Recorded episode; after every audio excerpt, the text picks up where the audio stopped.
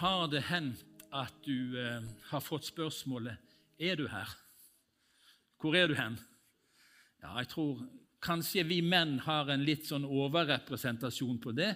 At vi kan være i et rom fysisk, men ikke alltid helt til stede.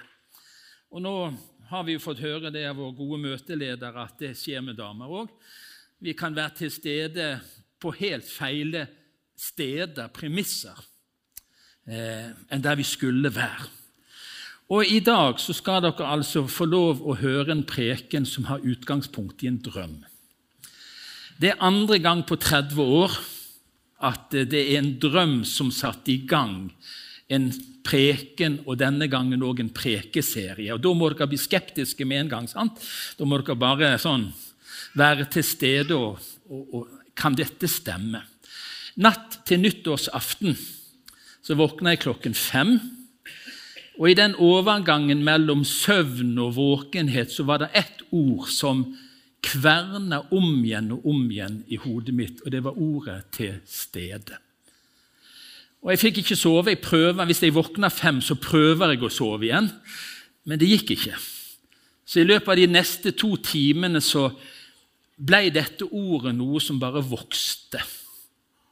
Og Jeg begynte å tenke litt gjennom hva står der i Bibelen, og hvordan kan vi bruke dette ordet? Hva, hva, vil Gud med å minne meg på et sånt ord i overgangen til et nytt år? Så må vi spørre, Det kan jo bare ha vært en drøm. Det er jo ofte sånn at Jeg tror ikke alle her har lyst til å fortelle hva de drømte i natt. Det er ikke sikkert det egner seg for publikum, men det satte seg så fast. Eh, og Da må vi ha en begrunnelse i Guds ord, for det er Guds ord som ikke kan rokkes. Morgen etter morgen står der vekker han mitt øre så jeg kan høre på disiplers vis. Gud vekker oss sånn at vi kan høre. Og Av og til så vekker han oss på forunderlig vis. Det er et bilde vi ser, det er en drøm vi drømmer. Som regel så vekker han oss ganske tydelig når vi åpner denne boken. Men for meg ble det sånn at gjennom denne morgenstunden så vekka Gud øret mitt.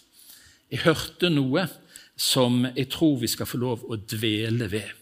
Og så er det forunderlig, når du først har begynt på sånn, så var det liksom alt i Bibelen handler jo bare om det plutselig. Når du er liksom kommet på et spor, så er det liksom, det, det er jo bare det Bibelen handler om. At Gud vil være oss nær. Gud vil være til stede. Og Det ble liksom en sånn tråd. Uansett hvor jeg leste og begynte å bla, så handler det om at Gud er til stede. Og I dag så skal dere få mange bibelvers. Og Det viktigste som kommer til å bli sagt fra denne talerstolen i dag, det er ordene som blir lest. Mine kommentarer de er ikke så viktige. Men det som blir lest, det er Guds ord. Det er Hans ord tiltale.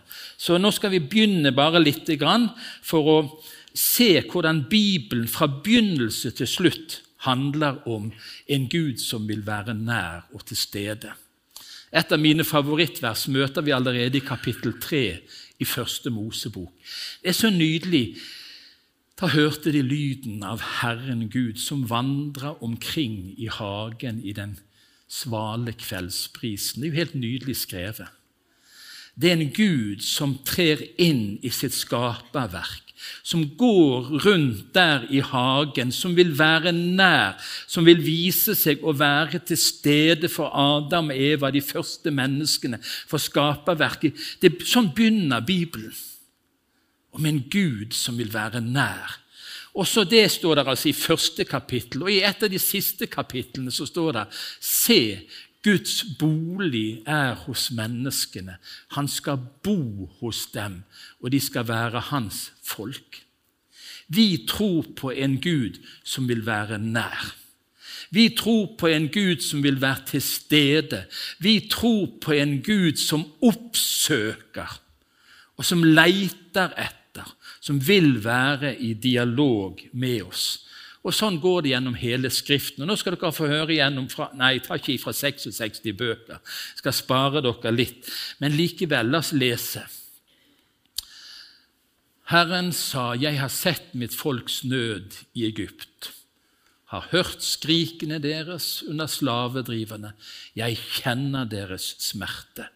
jeg har steget ned for å utfri dem av hendene på egypterne og føre dem opp fra dette landet og inn i et godt og vidstrakt land. Jeg har sett. Sånn er Gud. Jeg har hørt. Og hva gjør Han som har sett og hørt? Jeg har steget ned. Sånn er Gud. Så sier Han som er høy og opphøyd, det tror vi om Gud. Han som troner evig, den hellige er Hans navn. Og så sier han det som er så naturlig i det høye og hellige bor jeg, og hos dem som er knust og nedbøyd i ånden. Jeg vil gi ånden liv hos dem som er bøyd ned, og gi hjertet liv hos dem som er knust. Hvor er Gud? Han er i det høye og det hellige. Der, passer han liksom best. Men han har funnet at han vil være et annet sted òg. Han vil være hos de som er knust og nedbøyd i sin ånd. Og Da tror jeg det er håp for de fleste av oss, som opplever at livet kan skifte så fort og brutalt fra det gode til det krevende. Så sier Gud, jeg bor ikke bare i det høye og det hellige, men jeg bor der hvor mennesker er, og når de er knust og nedbøyd. Johannes kapittel 1.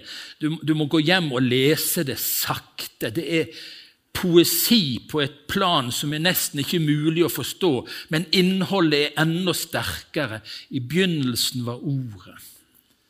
Ordet var hos Gud, og Ordet var Gud. Det sanne lys som lyser for hvert menneske, kom nå til verden. Han var i verden, og verden er blitt til ved ham, men verden kjente ham ikke.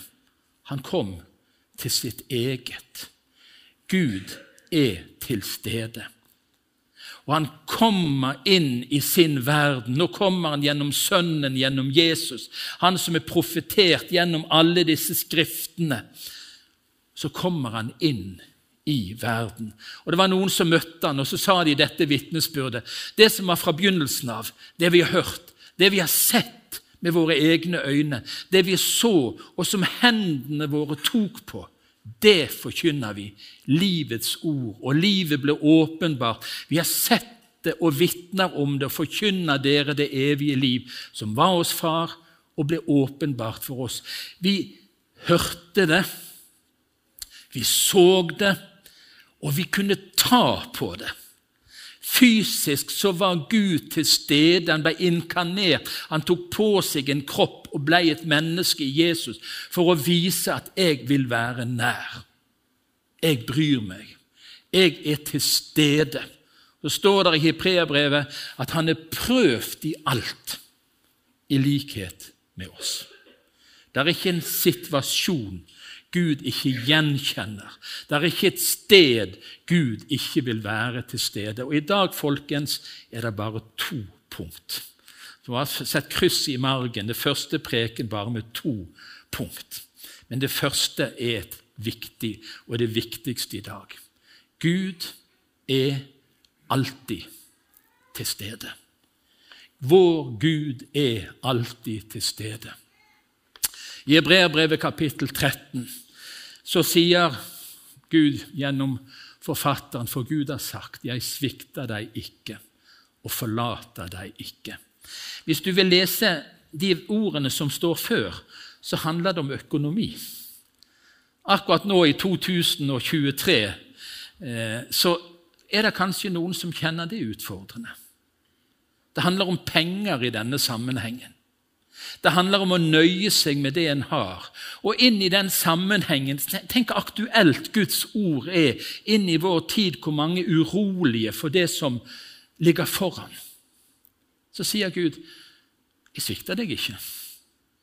Jeg forlater deg ikke.' Og Nesten eksakt samme ordlyd finner vi i 5. Mosebok. Der er ikke situasjonen penger. Der er situasjonen at israelsfolket skal inn i et land som de frykter det var sterke festninger, det var mennesker godt utrusta. Men Gud har sagt det. Han svikter deg ikke og forlater deg ikke. I den kampen som nå ligger foran for å innta løfteslandet Du går ikke alene, for Herren din Gud går selv med deg. Gud er alltid til stede. I alle livssituasjoner er Gud til stede. Inn i det praktiske, inn i de større valgene, inn i de vanskelige livssituasjonene når vi utfordres utover det vi har tro for. Gud er til stede.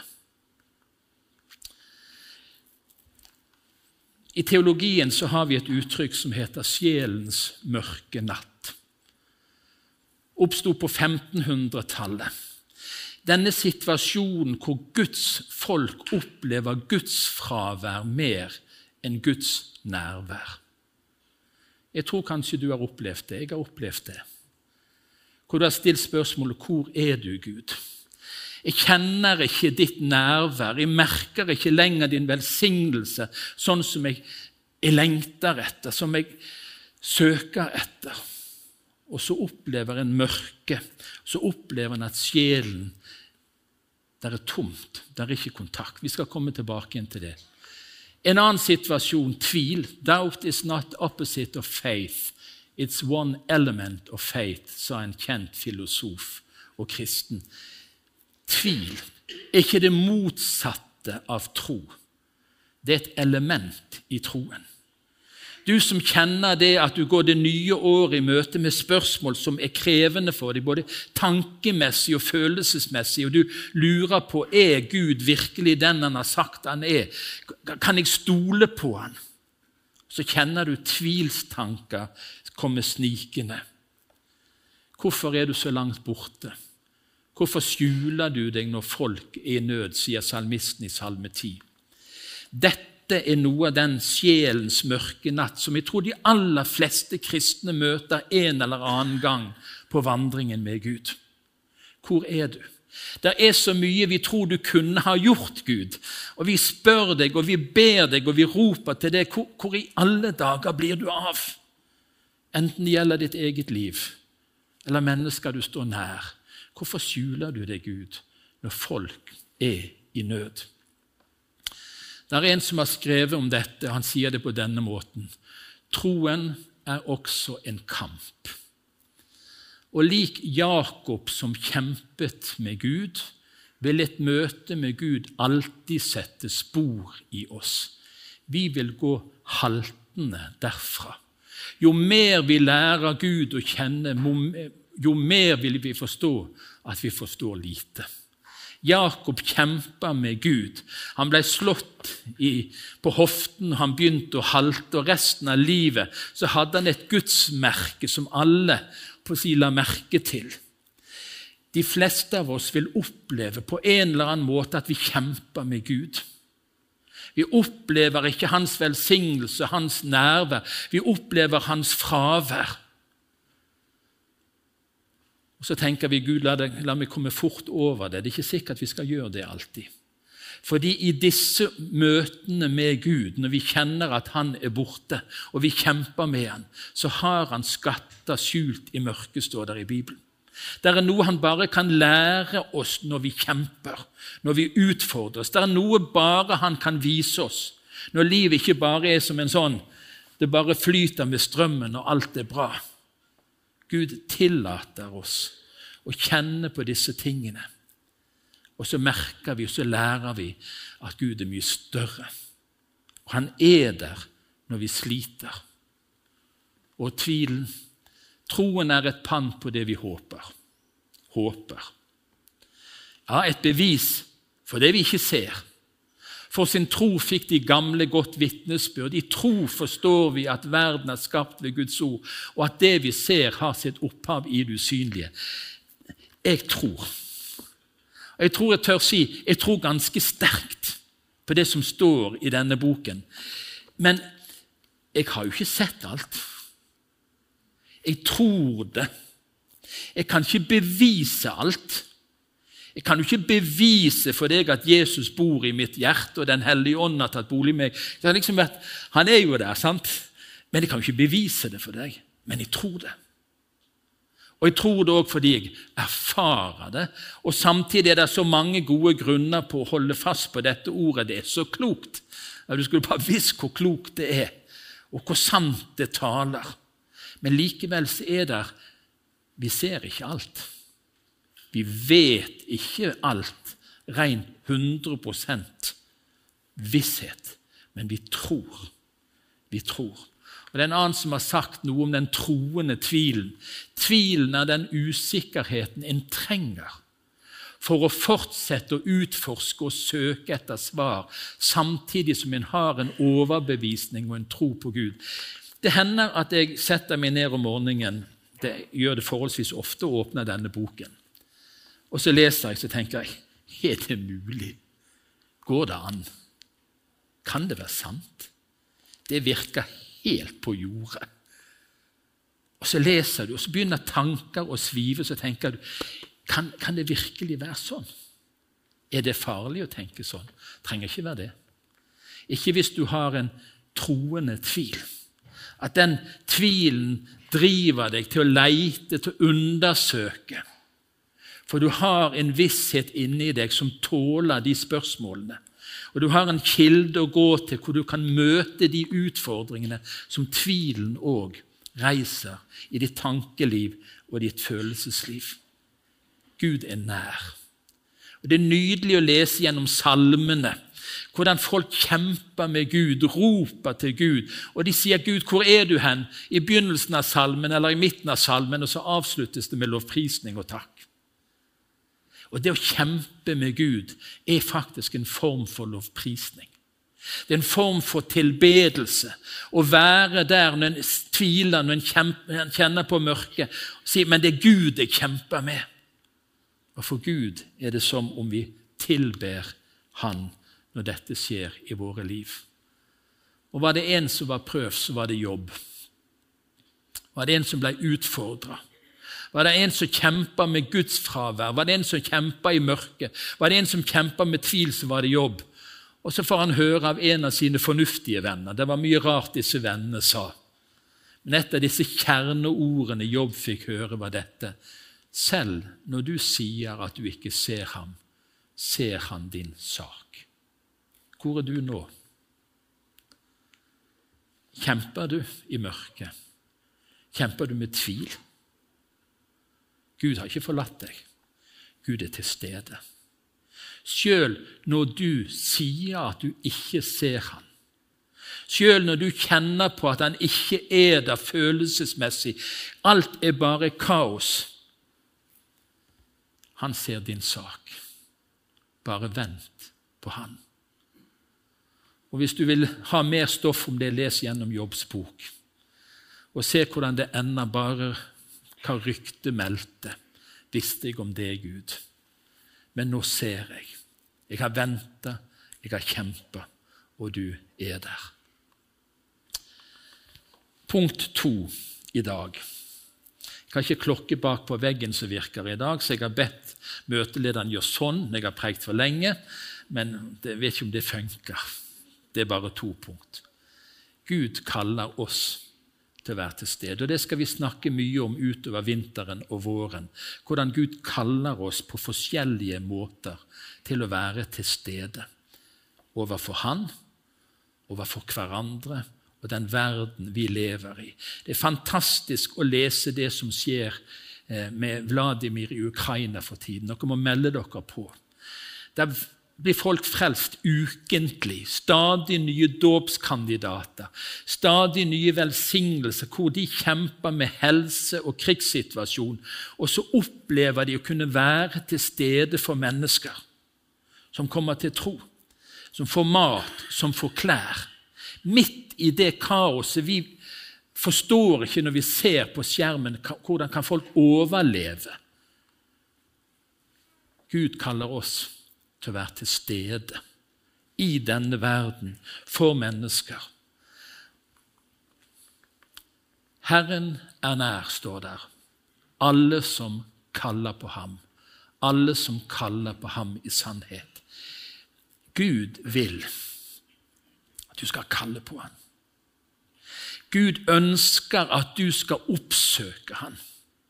Gud er en Gud som vil være deg nær. Han vil være til stede i ditt liv. Og altfor mange mennesker lukker han ute, stenger han ute. Gud er nær, står det i Bibelen, hos alle som kaller på han. Kaller du på han? Roper du til han? Snakker du med han? Det andre som vi skal si litt om, Jesus svarte, den som elsker meg, vil holde fast på mitt ord, og min far skal elske ham, hør, og vi skal komme og bo hos ham. Da er du til stede. Da er du til stede. Jesus sier, 'Jeg vil flytte inn hos deg. Jeg vil bo hos deg.' Og Hvordan skjer det? Jo, det skjer ved at vi holder fast på Hans ord. Så vil Han komme til oss og bo hos oss. Vi er kalt til å søke Gud. Og det gode er at vi vet hvor Han er å finne. Du trenger jo ikke leite hvor som helst. Du vet hvor Han er. Han er her. Hva står det der hvor to og tre er samla i mitt navn? Der er jeg midt iblant. Tenkte du det når du gikk på gudstjeneste i dag, at du skulle inn i et rom hvor Gud var til stede? Jesus er her. Gud er her, Den hellige ånd er her. Vet du hva? Det er både spennende og farlig på samme tid. Det kan hende han har lyst til å si noe til deg. Er du til stede? Eller er du her bare fordi du må? Du hadde ikke noe annet å gjøre denne timen. Kunne like godt gå på Fredheim og slå i hjel noe tid. Eller er du til stede? Er du til stede?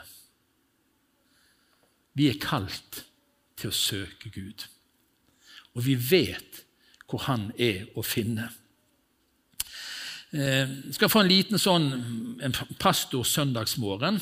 Den begynte ganske tidlig ned på kontoret hjemme og opp med Bibelen og manuset og litt sånne ting. Og sånn i nitiden kvart over ni nå må jeg ha med litt mat.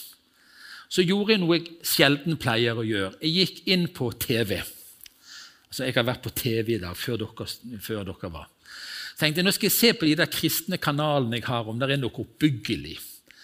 Så slo jeg opp i én kanal, og der var det for en bønnekonferanse i Haugesund handler bare om bønn. Tenkte ja, jeg slår opp en kanal til. Da handler det bare om Bibelen.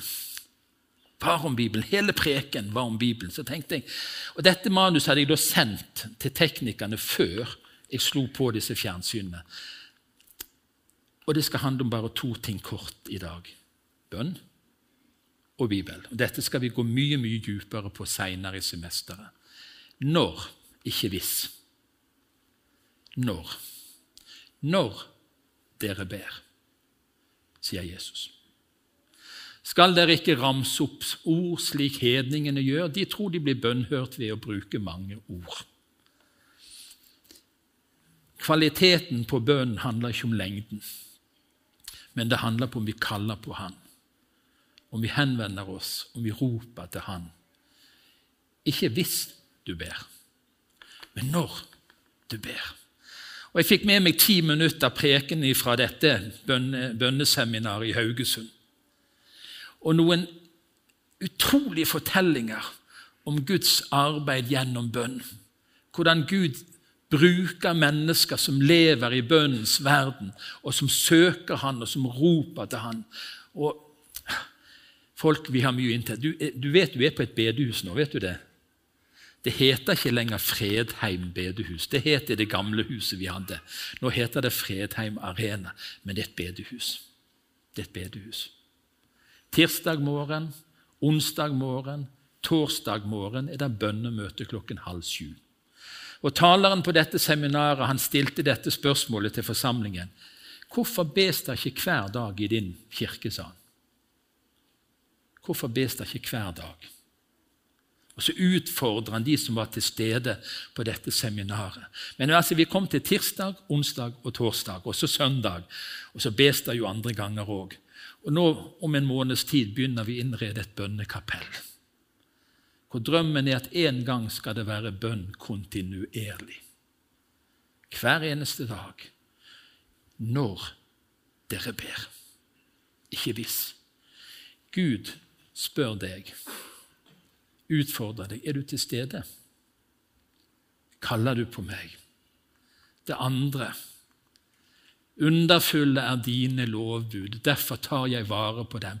Dine ord gir lys når de åpner seg. Jeg er fascinert av den boken. av og til så jeg må si det, Nå har jeg begynt på, skal lese den igjennom en gang på dette året. her. Og Jeg gruer meg allerede til tredje og fjerde Mosebok, enkelte kapitler. De er heftige, krevende å lese. Alle slektstavlene, alle disse oppramsningene. Men du, hver gang jeg åpner denne boken og begynner å lese på denne måten, så blir det ganger hvor det åpner seg. Så kommer det et lys. Kanskje over et avsnitt som jeg har lest mange, mange ganger før så kommer Gud og kaster sitt lys, og så gir det liv. Og så gir det lys. Jeg har lyst til å komme med en bokanbefaling i det nye året. Boken. Denne boken Gud kaller på oss. Gud vil være til stede. Og jeg vet at hver dag når jeg åpner denne boken, så vet jeg her er Gud til stede. Jeg trenger ikke føle det. Jeg trenger ikke erfare det, men jeg vet det. Han er til stede. I begynnelsen var Ordet. Ordet var Gud. Ordet var hos Gud. Jesus er til stede. Dette skal vi bruke mye tid på. Nå kommer det bare ett bilde. Kjenner du igjen salen? Det er tomt. Du, så tomt det var. Gud vil være til stede i ditt liv hvor du enn sitter i salen denne formiddagen. Uansett hva situasjon du er i i livet, om du er der oppe eller du er der nede, om du ikke føler noen ting Gud er til stede. Gud ønsker å være til stede i ditt liv. Gud ønsker å være deg nær. Og denne vinteren og denne våren vil han kalle oss nærmere. Han vil kalle deg nærmere. Jeg tror det er noen områder i gudslivet ditt han ønsker å åpne og vie ut for deg og for meg og for fellesskapet vårt. Han vil være til stede. Og han utfordrer oss til å være til stede for mennesker.